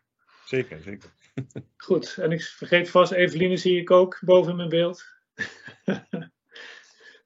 Goed, ik zal wat vertellen over de gemeente Rotterdam, hoe wij dat aanpakken. Dat doen we samen ook met MOVE, Mobiliteit en Verstedelijking. Dat is het uh, Rijk Regio-programma, MDH Rijk Provincie. Mag de volgende sheet? Uh, ja, en ik heb drie dingen eventjes die ik kort wil toelichten. Dat is wat een gemeente kan doen voor duurzame bouwlogistiek. En wat we met duurzame bouwlogistiek bedoelen is dat we zo min mogelijk ritten maken door de stad. En als ze dan worden gemaakt, dan zo schoon mogelijk. Dat vinden we dan duurzaam. Uh, bouwhubs, waar we nu staan in Rotterdam, daar hebben we wat ervaring met uh, hoe we met bouwhubs omgaan. Daar zal ik ook iets over vertellen. En over de gebiedsgerichte aanpak in Katendrecht. Die drie dingen wil ik even wat laten zien. Gewoon puur ter informatie en om misschien ook wat te, te discussiëren erover. Nou, wat kan een gemeente doen? Aan de ene kant kan een gemeente actief sturen, noem ik het maar even. Zeg maar, bij de opdrachtverlening, als het eigen uh, grond is of eigen gebouwen is, dan kun je het contract wat doen. dus gewoon met de aanbestedingen of met inkoop kun je gewoon voorwaarden stellen. Het is gewoon een privaatrechtelijke overeenkomst. Dus dan kun je gewoon als gemeente kun je iets afspreken met een, uh, met een bouwer. Dat is eigenlijk best wel simpel. Hè? Je maakt gewoon een afspraak en je houdt je aan. Als je zegt, van, nou, ik wil dat je gewoon met, uh, met de zero-emissie materieel werkt, of je, je gaat met, met, een, nou, met een voertuig naar de bouwplaats, of je voert het afval op een bepaalde manier af, dan kun je dat gewoon opnemen in je contract. Mits het natuurlijk binnen het redelijke valt, mits het beschikbaar is, et cetera, maar dat kan. Nou, verder kun je nog wat voorwaarden stellen bij het proces naar de vergunningverlening. Dus of het nou de omgevingsvergunning is of de, de bouwplaatsvergunning, die in elke gemeente iets anders heet. Maar in het hele proces van vergunningverlening kun je ook een aantal voorwaarden opnemen. Dat is niet spijkerhard uh, vaak. Dat is vaak een beetje opzoeken het randen van het beleid van de gemeente en van de, de wet en regelgeving die er is. Maar dat, dat kan wel. Nou, verder heb je natuurlijk gewoon de bekende verkeersbesluiten. Ja, dus de invoeren bijvoorbeeld van een zeszone die we in 2025 gaan krijgen. Dat wordt een hele, hele effectieve, denk ik. Uh, maar ja, goed, we spreken elkaar in 2025 weer. Of bijvoorbeeld de maximum gewichtzone, zoals Amsterdam is, zal ik zo meteen laten zien. Of bijvoorbeeld venstertijden kun je ook afspreken. Dan kun je dus ook gewoon beïnvloeden. Venstertijden werkt natuurlijk niet altijd de efficiëntie in, in de hand. Er is een rapport van Hans Kwak van, ik geloof tien jaar geleden, zal hij laten zien dat je met venstertijden juist het omgekeerde kan bereiken. Maar je kan er in ieder geval iets mee, mee doen, mee. En verder kun je coördineren, dat uh, doet bijvoorbeeld Arjen de Feiten voor ons door Katendrecht, het afstemmen, samenwerken en niet alleen met de aannemers, maar ook met ontwikkelaars. Voordat er gebouwd gaat worden, dat je binnen een gebied over de projecten heen, alsof je zelf één project zou doen in een gebied, uh, ga je de ontwikkelaars en de bouwers bij elkaar zetten. Dus dat kan een gemeente actief doen.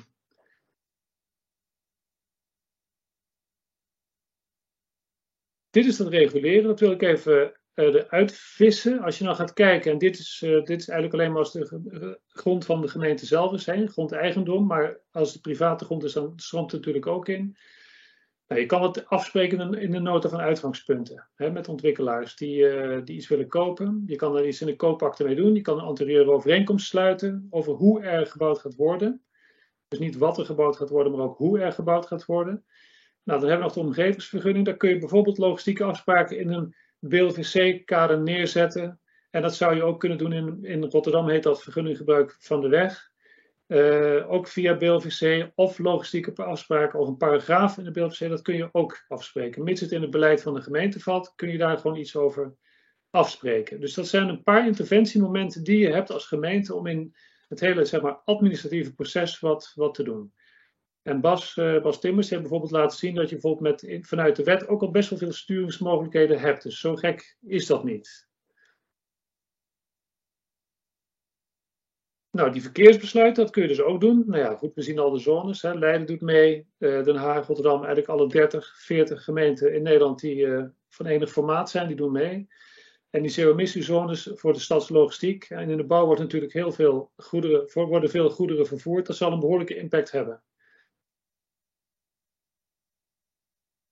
En zo zie je dat bijvoorbeeld in Amsterdam. Daar wordt, uh, het is een beetje buiten onze regio, maar we zien wel dat uh, het stukje in de binnenstad waar de kademuren echt een probleem zijn, is een, uh, in oktober is daar een zone zwaar verkeer ingesteld. Vanaf 7,5 ton kom je daar, met, kom je daar niet meer binnen. En op zich is dat nog niet eens interessant, maar wat wel interessant is, of ja, dat is ook interessant, maar wat het effect is, is dat je ziet dat aan de rand van de A10 er meer hub locaties uh, meer werk hebben. He, dus omdat heel veel bouwers gaan toch hun spullen overslaan, onder andere bij Deudecom en Peters, om te kijken, gewoon kunnen we niet met wat lichtere voertuigen de stad in. Dus zo'n verkeersbesluit, dat heeft meteen effect op je hele logistieke systeem. Dus zo'n effect verwachten wij natuurlijk ook bij die zero-emissiezone. En daardoor worden aan de ring van, uh, van Rotterdam, aan de rand van de stad, aan de ruit moet ik zeggen, worden natuurlijk ook allerlei plekken al aangewezen van ja, daar zou best wel eens een, eh, een hub kunnen ontstaan. Mag de volgende, Maarten? Maar de gemeente kan natuurlijk, de ene is het, het, actief sturen, maar de gemeente kan natuurlijk ook verleiden. We kunnen een financieel voordeel bieden. Dat doen we in Rotterdam met een subsidieregeling voor de bouwlogistiek. Als je ritten bespaart, dan uh, kun je daar voordeel van hebben. En eigenlijk ook een soort van cofinanciering is natuurlijk ook mogelijk. Dan bied je dus een financieel voordeel om bouwlogistiek te verduurzamen. Maar je kan ook voorwaarden scheppen. Zorg voor een goede infrastructuur. Bijvoorbeeld heel simpel gewoon dat je zorgt dat de kademuren op orde zijn. Of dat er ergens een kraan staat of wat dan ook. Of geef privileges aan een bepaald soort verkeer. Dat kan ook. Ligt heel dicht tegen een verkeersbesluit aan. Maar dat, uh, dat kan je natuurlijk gewoon bieden. Dat is ook een verleidingsinstrument. En ook uh, informatie verstrekken. Daar zal ik straks nog iets over vertellen. Waar we met Zuid-Holland bereikbaar aan werken. is het in kaart brengen van de uh, mogelijke locaties voor overslag, opslag, hub-functies die er gewoon zijn. Zowel vanuit de gemeente, maar ook vanuit private partijen. Die dus gewoon een plek hebben waar je gewoon uh, je spulletjes gewoon kan overslaan. Nou, die subsidieregeling, dat doen we. Dus dat doen we in Rotterdam. Daar hebben we nu uh, zes projecten. vijf die al concreet zijn, eentje die nog in de pijplijn zit. En we hebben daar de regeling dat uh, als een aannemer in de vorige regeling was minstens 100 ritten en in de nieuwe regeling vanaf 2021 minstens 50 ritten kan besparen, dan kan die daar een subsidie voor krijgen. Dat doen we samen met Zuid-Holland Bereikbaar en met uh, TNO. Uh, dat gaat met een, een intake. Dus een aannemer heeft een plot binnen de ruit van Rotterdam. als die redelijkerwijs boven een bepaald bruto vloeroppervlak komt met een bepaalde functie van wat hij gaat bouwen, dan uh, kan hij een aantal ritten, aannemelijk een aantal ritten besparen. Nou, als dat meer dan 50 is in dit geval, dan doen we daar een intake met TNO, die rekenen dat na. En uh, TNO heeft bouwprofielen waarbij ze goed kunnen uitrekenen, afhankelijk van de locatie en vanaf het soort bouw, hoeveel ritten er mogelijk bespaard kunnen worden. Dus hoeveel er conventioneel gereden zouden worden. En wat de besparingsmogelijkheden zijn als je bijvoorbeeld met een hub zou werken of met, uh, met de prefab, uh, prefabproductie. Dus, uh, en daar kun je dus met al die maatregelen kun je dus samen met de aannemer tot een bepaald getal komen waar je voor subsidie kan verlenen. En die subsidie is afhankelijk van het soort voertuig dat je bespaart. Dus als je een bestelbusje minder laat rijden, dan is dat uh, uit mijn hoofd even 29 euro per rit bespaard. En bij grote vrachtwagens dat 125. Dus dat is ook nog afhankelijk van de, zeg maar de, dus de uh, impact van het voertuig. Nou, de bouwhub, ik denk dat we die allemaal wel kennen. dus daar hebben we, dus dit, dit was eerst wat, wat de gemeente kan doen, dus dat ze reguleren en inspireren, zeg maar. Als we nou gaan kijken naar de bouwhub, dan, nou ja, goed, de studies laten de afgelopen, misschien al, zijn we al denk ik al acht of tien jaar mee bezig, zien dat je 20 tot 50 procent minder ritten nodig zou hebben. En dat het ook het bouwproces sneller en beter beheersbaar zou zijn. Dus minder faalkosten. Uh, dus dat is natuurlijk een heel interessant concept. Het is lastig om dat van de grond te krijgen, maar het is natuurlijk wel een interessant concept. En wat we daarmee doen, de volgende Maarten, uh, is dat we uh, vanuit de subsidieregeling daar een beetje op aangestuurd hebben. Hè, van gebruik nou een bouwhub, dan heb je gewoon minder ritten door de stad en dan kun je wat geld voor krijgen. Maar wat we in Rotterdam hebben geleerd is dat vooral de bouwhubs, dat alle aannemers die voor zich gebruiken. Hè. Dus er wordt de, het effect van een bouwhub is uh, een beetje afhankelijk van, de, een beetje, grotendeels afhankelijk van het volume. Als je weinig volume hebt, heeft hij weinig effect. Maar met veel volume heeft hij veel effect. Dan heb je vaak meerdere bouwplussen voor nodig, oftewel meerdere aannemers. Dus je zou een bouwhub in, in die ideale geval een flinke grootte moeten hebben, die je ook nog gewoon deelt met verschillende aannemers. Wat we zien dan in Rotterdam is dat toch veel van de aannemers ieder voor zich gewoon een bouwhub organiseren, wat natuurlijk hartstikke goed is. Maar er laat natuurlijk wel wat, wat aan effectiviteit liggen. Uh, nou ja, een voorwaarde verder is dat je natuurlijk wel een locatie nodig hebt met milieu- en geluidruimte. Je kan ze natuurlijk niet zomaar overal neerzetten. Uh, dus dat zal betekenen dat je vaak gewoon aan de rand van de stad komt of zelfs buiten de ring. Um, wat interessant is, is dat we uh, zien dat de combinatie met het vervoer van het bouwpersoneel een interessante optie is om te verkennen. Dus dat we gewoon met een, de combinatie van bouwhub met goederen, dat we ook bouwpersoneel vanaf die hub naar de bouwplaats kunnen brengen. We hebben een hele discussie over of het nou een, private, een publieke of een publiek-private dienstverlening zou moeten zijn.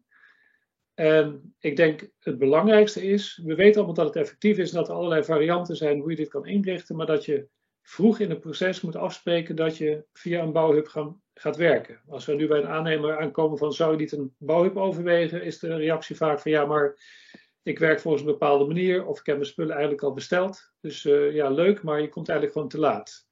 Dus je moet er eigenlijk eerder mee aan tafel. En dan zelfs niet met de aannemer, met de ontwikkelaar voordat hij dus een aannemer in de hand neemt. Dus dat is wat wij uit die bouwhubs hebben geleerd. Dus wat doen we? Nou, we blijven het in ieder geval voorlopig even financieel stimuleren. Dus als er een project is met meer dan 50 ritten te besparen, dan komt hij in aanmerking voor subsidie in Rotterdam. Uh, we nemen het, als het even mogelijk is, op in het proces van de gebiedscoördinatie. Daar zal ik zo nog wel wat van vertellen. Uh, misschien is het zelfs een, voorwaarde voor een bouwplaatsvergunning. En we blijven informatie verstrekken in de zin van voorbeelden van succesvolle bouwhubs. Dat doen we bijvoorbeeld via Logistiek 010. En uh, wat ik noemde al met Zuid-Holland bereikbaar. We wachten heel erg met spanning wat, daar, wat het resultaat is uh, van uh, Zuid-Holland bereikbaar op het gebied van aanbod van beschikbare locaties. Dus dat is een dienstverlening richting bouwers. Dat ze ook zien waar, nou, waar je een bouwhub zou kunnen inrichten.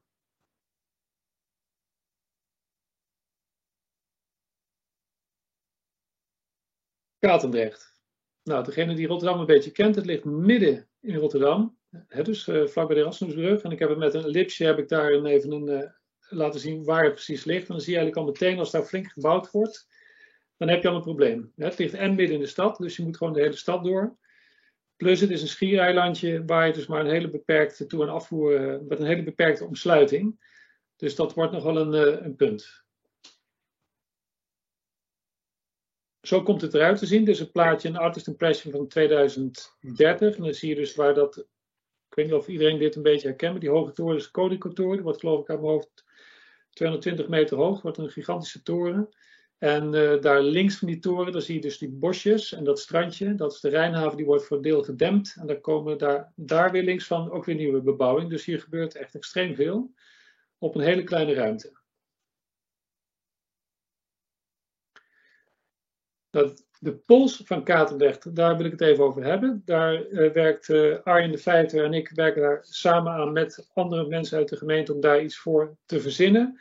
Om dat in het als een gecoördineerd gebied aan te vliegen. En wat ik daarmee bedoel is gebiedscoördinatie in de zin dat je dus als, het zijn zes verschillende partijen of zeven verschillende partijen die daar werken. En kijk nou eens, wat zou je nou gedaan hebben als je één partij uh, het uit, of als je het uit handen zou hebben gegeven aan één partij, hè, hoe zou die het dan optimaal doen? Dus zo moet je het een beetje bekijken.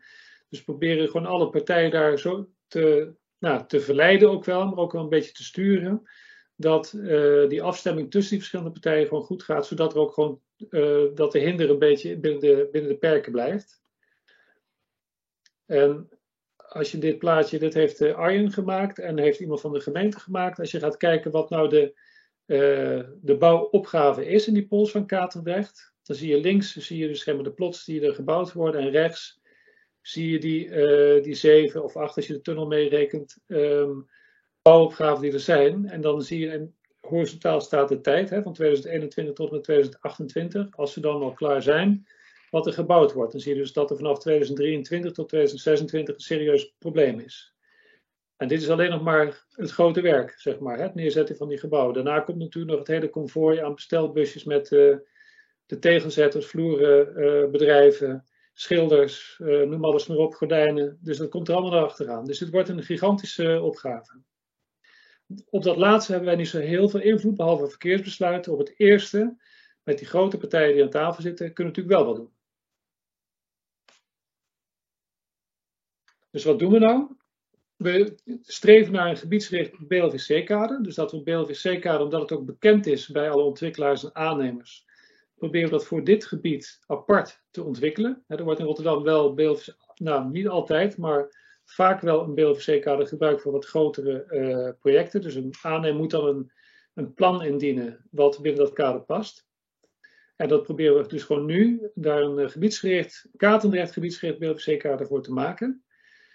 Um, en we willen graag naar een streven naar een gebiedsgerichte overeenkomst. Het liefst hebben we natuurlijk een samenwerkingsovereenkomst, maar het kan ook een intentieovereenkomst zijn met ontwikkelaars en met aannemers om die bouwlogistiek te verduurzamen. Die ontwikkelaars die staan daar, is onze ervaring open voor. Omdat zij ook wel zien, als je dat plaatje even in gedachten neemt, wat ik uh, twee slides geleden liet zien, hè, dus met die bouwopgave, dan zien ze ook wel dat ze zelf ook wel in de problemen komen als ze niet op een of andere manier afspraken maken. En de gemeente is nadrukkelijk een van die partijen in de overeenkomst. Natuurlijk omdat je ook wat wilt. Hè, dus je wilt natuurlijk ook van dat die hinder beperkt blijft. Je wil zo min mogelijk overlast. Wil vanuit het beleid natuurlijk ook een zo duurzaam mogelijke uh, uh, bouwproces uh, in, gang zetten. Dus daarom is de gemeente een van die partijen die overeenkomst. Dus is de laatste sheet die ik laat zien. Dus wat doen we dan? Dus dan hebben we een BLVC-afspraken willen we gaan maken tussen de gemeente en elke aannemer afzonderlijk. En dat wordt dan waarschijnlijk onderdeel van de bouwplaatsvergunning, de vergunning gebruikweg. En daarnaast, en dat is eigenlijk een stapje verder, dus naast de BLVC willen we streven naar een overeenkomst waarbij gemeente en aannemers onderling aan tafel zitten om afspraken te maken. En dat zou bijvoorbeeld kunnen door samen een bouwhub in te richten, om samen bijvoorbeeld uh, iets over water te laten komen, als dat kan. Het is heel ingewikkeld over water, maar goed, als het kan, dan moet je het vooral doen. Uh, of bijvoorbeeld planningen op elkaar af te stemmen. Als je al ziet dat er, uh, uh, als je de planningen in de operatie gewoon enigszins op elkaar afstemt, zou je bijvoorbeeld heel veel hinder kunnen voorkomen. Dus dit doen wij gebiedsgericht. Maarten. Ja, dank, je, dank je wel, Han. Um, nog even één uh, uh, kort vraagje aan uh, Arjan, want jij moet er zo vandoor, Arjan. Um, de, de, hoe kijk jij hier uh, tegenaan met die, die, die verschillende overeenkomsten die er uh, worden gesloten? ja, ik, ik, noemde Rotterdam net al even in het rijtje van een van de meest voorlopende steden. Maar ik, wat ik merk bij Rotterdam is dat ze vanuit hun eigen gevoelde noodzaak om het leuk te houden in die stad daar heel zwaar op investeren. Dus dat, dat vind ik het belangrijkste reden om aan te nemen dat dit ook zou gaan, gaan slagen tweede wat ik heel prettig vind, is dat er een behoorlijke mate van. Ik was er net redelijk streng naar mijn ondernemers, eh, die lid zijn van mijn ondernemers, onze ondernemers. Dat er een redelijke mate van druk, maar ook vrijheid in zit om te kiezen uit verschillende instrumenten. Dus dat het niet uh, of links of rechts is en middendoor, dat bestaat niet.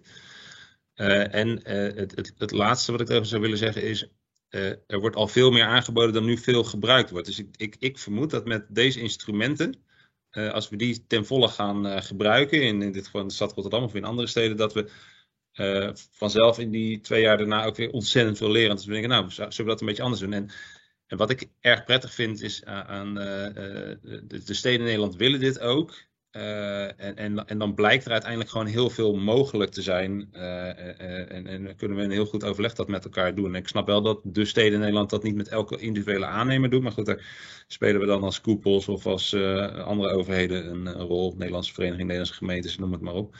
Dus ja, ik ben hier wel. Ehm, ik, ken, ik ken veel van de. Ik heb ook wat nieuwe dingen weer gezien. Ik denk, zo, dat gaat best wel hard nu, hè, Han? complimenten. Uh, dus ja, ik, word er wel blij van. En ik was overigens uh, Han deze week tegengekomen tijdens een spel. Daar moeten we misschien zo meteen ook nog wat over vertellen. Wat wij hebben gedaan voor bewustwording. Want dat is wel een van de dingen waar ik als laatste ook nog wat over wil zeggen. weten we eigenlijk wat het is om gemeente te zijn of, of ondernemer te zijn en te gaan plannen als leverancier. We hebben het met TNO een prachtig spel gemaakt waarin je dat kan ervaren. En dat leidt tot, direct tot hele grote inzichten, maar ook hele mooie discussies met elkaar. dus ik zou ook jullie willen aanbevelen, mocht je dat een keer willen spelen, neem even contact op met, met mij of met TNO. dat geeft veel begrip onderling. Dat helpt, helpt heel erg. Dus dat is het laatste. Dus dat wou ik erover zeggen. Leuk, boeiend. Dankjewel. Um, Han, je, je zei in een bijzin van vervoer over water is lastig. Um, waarom is dat zo lastig? Um, nou, kan lastig zijn. als het heel fijnmazig is, hè, kleine steden voor lichte spullen, is het denk ik heel handig om het te doen. Hè, bijvoorbeeld Delft of Leiden of Utrecht, hè, dan zie je het ook gewoon gebeuren. Als je kijkt, de, je moet goede kadermuren hebben. Je hebt een, uh, een extra overslagmoment, heb je natuurlijk wel ingelast hè, met, een, uh, met vervoer over water. Dus er zijn wel een paar complicaties waar je gewoon van bewust moet zijn. Het is niet zo als iets aan het water ligt, dat het dan meteen verstandig is om daar gewoon maar meteen met over water gewoon te gaan vervoeren. Dat is eigenlijk wat ik, wat ik bedoel. Bijvoorbeeld Cordeel, die wij ook subsidie verstrekken, die voert. dus, nou goed, daar weet Bas Timmers alles van. Die hebben eh, hun wapeningsnetten, geloof ik, is het, hè, Bas? Die laten zij eh, vanuit de fabriek, die ook aan het water ligt, eh, over de Maas komen en die parkeren hun boten, die meren aan aan de Maas, aan de boompjes waar ze moeten zijn. Ja, en dan is het natuurlijk fantastisch. Daar is een goede kade. de fabriek waar het geproduceerd wordt ligt aan het water. Dus dan is het gewoon relatief eenvoudig. Ja, helder. Dan, en dan is dit het grootschalige werk, zeg maar. Hè? Dus, maar het is niet ik heb wel eens het idee dat, dat water gewoon per definitie beter is, weet je wel, maar dat, of dat het zo gezien wordt. Maar dat is niet, niet helemaal het geval. Ik, moet, ik wil het toch een klein beetje nuanceren. Dankjewel. Uh, ja, Eveline, uh, uh, water. daar, daar, daar, daar, hebben jullie ervaringen mee opgedaan in Leiden. Zou je ons daarin mee willen nemen? Ik ga weer even delen. Dan zet ik mijn microfoon nog even aan, Maarten. Leiden is nou typisch zo'n voorbeeld waar het dus wel kan. dus dat. Uh...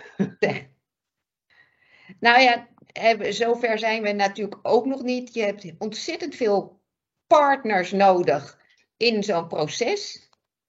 Um, het gaat niet vanzelf.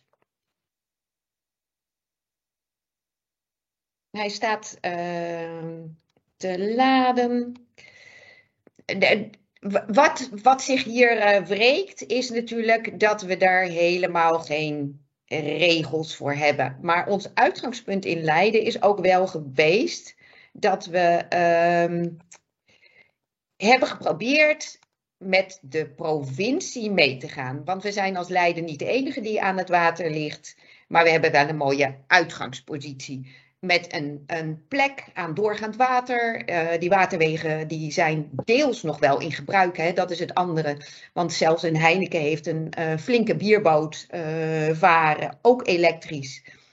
Um, en als je kijkt naar waar zit er ruimte, dan is toch een stuk van dat water wel een van de kanshebbers.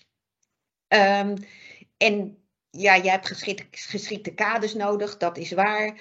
maar aan de andere kant. Um, die hele transitie die gaande is, uiteindelijk heeft Utrecht ook ooit besloten een, uh, te dempen en vervolgens weer open, open te graven. Hè. Dus niets is definitief.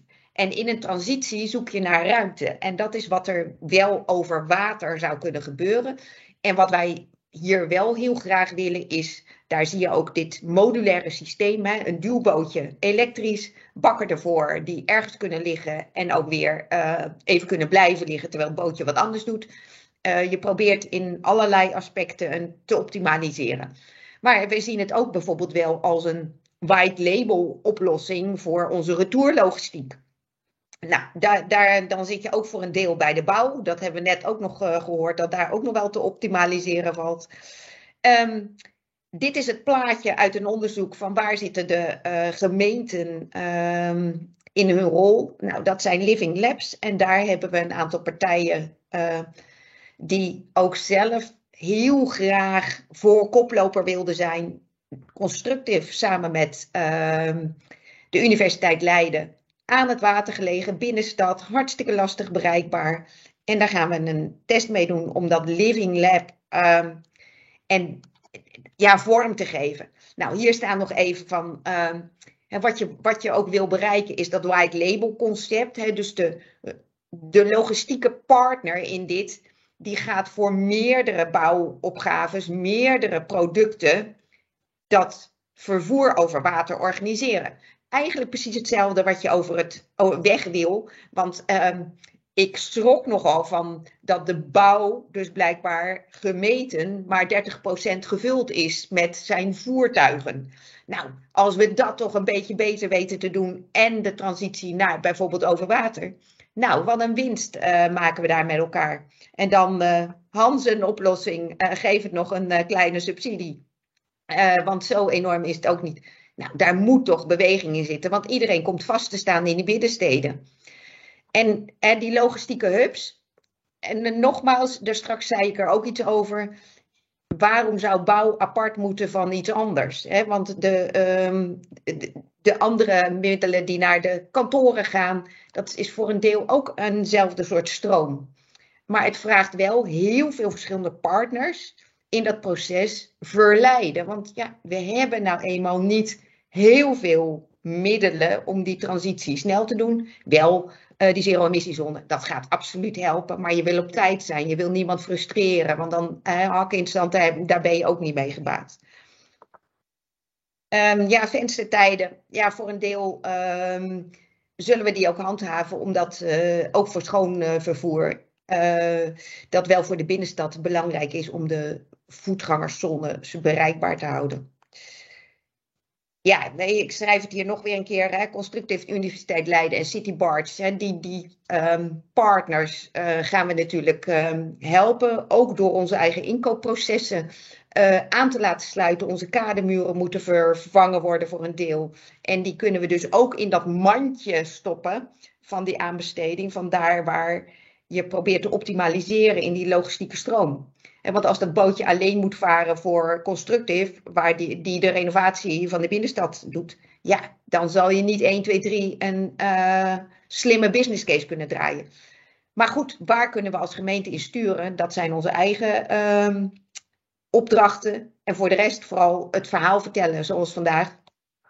En uh, nou ja, de andere uh, bouwers zien ook wel voordelen. We hebben Logiconnect met een hub aan de rand van de stad. En die heeft als bouwer gekozen om in die algemene multi-user hub eh, partner te worden. En daar vandaan toch uh, de binnenstad te, ja, te bevoorraden. En wat, wat ik uh, niet heb opgeschreven, maar wel een hele belangrijke is, die busjes, werd net ook iets over gezegd. Wij hebben servicelogistiek bijvoorbeeld bij de studentenhuisvester Duo. En die heeft vanuit een hele andere grond besloten om acht van de tien servicebussen weg te doen. Zij heden ontzettend veel parkeerboetes, kosten voor um, uh, stilstand in de stad. En die hebben gemeend, nou, wij gaan het radicaal anders doen. Ze hebben nog twee bussen rijden. De rest gaat op de fiets, niet deze elektrische fiets, met een uh, rugzak op. Uh, de helft van de mensen zag het niet zitten van de, uh, de, de, de mensen die in de studentenflats bezig zijn. Maar achteraf heeft eigenlijk iedereen gezegd dat ze relaxter zijn. Want het gaf ontzettend veel stress. Waar kan ik mijn bus parkeren? Het gaat altijd fout. Uh, botsingen tot gevolg. Dus het heeft daar ook duidelijk wat opgeleverd. Nou ja, nog een keer, hè, dat, dat, Living Lab, het is niet gesneden koek. We hebben zoveel partners nodig. Uh, we, elke keer lopen we weer tegen dingetjes aan uh, waarvan we denken, oh, um, ja, die moet dat ook weten. Die heeft ook nog uh, invloed daarop. Um, um, nou, en dan zie je dat de kade niet eens het meest ingewikkelde is, maar wel de ruimtegebruik in de stad van het water om ook nou ja, ons centrummanagement te overtuigen dat het niet een verdringing is weer van iets waar we in de stad heel blij van worden. Dat mensen met hun bootje door, te, door de singles kunnen. Um, ja, nieuwe concepten vragen. Um, die regels zijn er vaak niet uh, of niet voldoende. Um, ruimte is in de, in de binnenstad ontzettend beperkt. En de grotere drager, de provincie Zuid-Holland, die heeft het in hun beleid staan. En dan zie je dat zo'n partner nog steeds heel ingewikkeld is om hem mee te nemen in daar waar de rol en de ondersteuning is. Nou, dan ben ik volgens mij aan het eind. Ja, deze nam ik nog even. Er zijn heel veel onderzoeken. TNO werd net genoemd. Ehm, deze ook. Hè, wat, wie staat in, in welk deel aan de lat? Maar deze is ook een heel, hele heldere. Die zat in de presentatie van Han ook. Ehm, wie heeft welke rol en kan daar strategisch een, uh, een zetje in geven? Um, dat was hem. Ja, de, uh, dankjewel voor je, voor je toelichting. Goed om uh, te zien wat, uh, wat voor mogelijkheden er allemaal zijn en wat voor ervaringen jullie er ook mee opdoen. En de opmerking dat er ook nog behoorlijk wat zal gaan veranderen in de, in de komende tijd. Um, nog een vraag vanuit de chat. we hebben het telkens over aanvoer. En wat nu met de, met de afvoer? Hoe nou, wordt daar naar gekeken? Ook, ook dan nog in combinatie met hè, de, de, de herbruikbare grondstoffen. En als ja. we naar circulariteit gaan, gaan kijken, maakt het nog, denk ik, weer even een tandje complexer. Nee, wij hebben hier um, het voorbeeld waar Constructive uh, bij de universiteit mee bezig is, gaat ook heel duidelijk over de retour en het optimaliseren. En, en dat is ook wel iets van die logistieke partner. Maar we hebben nog een terrein waar ooit de betonfabriek stond, waar we ook heel graag de kade gewoon weer willen hergebruiken. En daar zal het ook over uiteindelijk, als dat gebiedje, net als in Katendrecht, in bedrijf is, ook een oplossing zijn, misschien wel voor de retour. Ja, ja. Helder. Zo, zover moet je wel doordenken. Het, het, is niet alleen de bouw op dat moment, maar daar waar je goede kaders hebt, zie ik zelfs wel voor me, uh, net zoals uh, bij Dordrecht heb je uh, ook personenvervoer over water. daar was het oorspronkelijk het pontje. Maar misschien is dit in Rotterdam de, de snelle verbinding over het water voor personen misschien ook nog wel een leuke om die combinaties te maken. Dus ja, wees een beetje creatief en nou ja, kijk een beetje verder dan vandaag. Ja, helder, dank. Uh, Han, wat, hoe kijken jullie daarna naar de, naar de afvoer? De, de, ja. Is dat ook onderdeel van de afspraken? Ehm, nou ja, het is allemaal logistiek, hè? Dus kijk, we hebben natuurlijk over twee dingen. We hebben het over de bouwfase en over de gebruiksfase. Hè, wat Evelien terecht zegt, hè, van over de gebruiksfase moet je al van tevoren goed nadenken hoe je dat wil organiseren. Dat is natuurlijk gewoon over, lange over, een lange periode.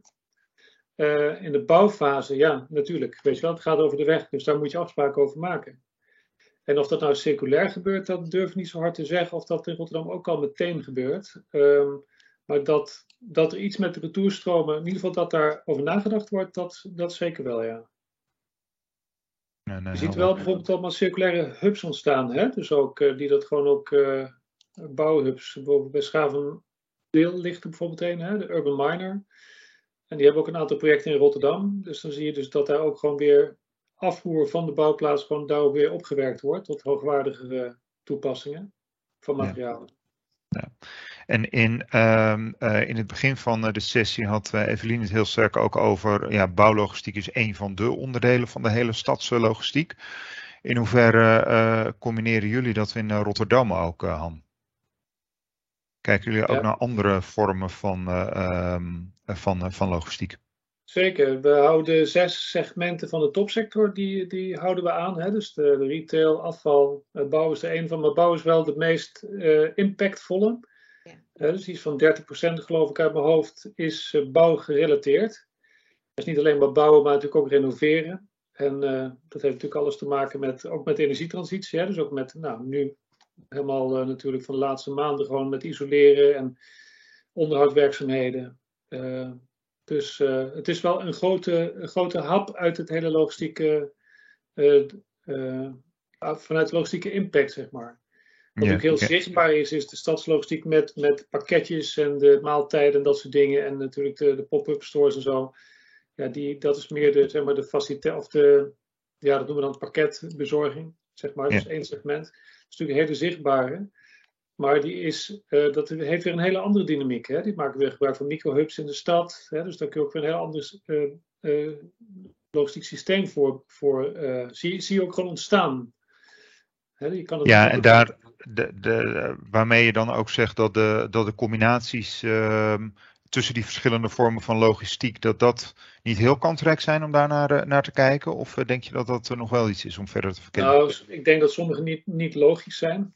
Hè, dus uh, dat ligt gewoon meer aan het soort, soort goederen, zeg maar. Hè, dus, uh, uh, maar ja, waarom niet? Hè? Waar mogelijkheden zijn, daar, daar zullen gewoon ook, ik denk, gezonde ondernemers gewoon daar ook wel op aansluiten, denk ik.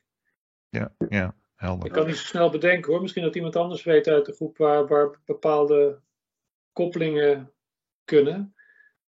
Ja, van de andere kant, als je ergens. Stel je hebt een, een hub aan de rand van de stad. Hè? Laten we het, het hubvoorbeeld even nemen. Ja, als dat groot genoeg is en uh, er ligt een energielaatinfrastructuur ligt daar, uh, dan kan ik me voorstellen dat er niet alleen maar bouw of facilitair naar binnen gaat, maar dat ook de pakketdiensten daar gebruik van maken of andere segmenten, vers of wat dan ook. Ja, ja nou, helder. Als afsluiter, het is, het is vijf uur. Eveline, wat, wat is er nog nodig om dit te versnellen? Of is er iets nodig om dit te, te versnellen? Of heb je goede hoop? Ja, zeker. Ik denk dat we um, ruimte moeten geven aan initiatieven en daar uh, met elkaar van leren en zo snel mogelijk delen. En vooral uh, kijken in kansen en niet in belemmeringen. Dat is echt een oproep en probeer daarin wat creatief te zijn om uh, dingen op te lossen. In plaats van, hè, nou ja, dit zijn de regels. Want uh, we weten dat uh, beleid veranderen niet, niet, niet 1, 2, 3 gebeurd is. En dan weer vaak doorkijkt van wat, wat gebeurt er dan aan goede dingen. Maar dat vraagt nogal wat. Dat is niet, dat is niet simpel.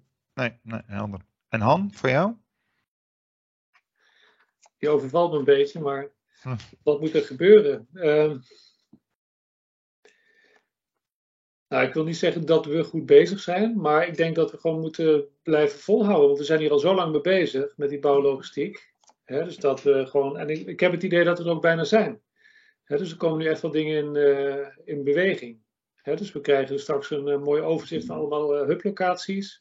We krijgen het voor elkaar om, um, om dat hele administratieve proces, dat, dat sturingsmechanisme wat beter onder controle te krijgen. Ik merk ook bij de gemeente intern dat waar een paar jaar geleden mensen zeiden dat ze niet wilden meewerken, of ze zeiden niet met zoveel woorden, is dat je nu wel veel meer medewerking ondervindt. Hè? Ook van mensen die buiten moeten controleren of die vergunningen moeten afgeven. Die staan gewoon open voor, voor uh, initiatieven om ritten te verminderen, minder hinder te veroorzaken.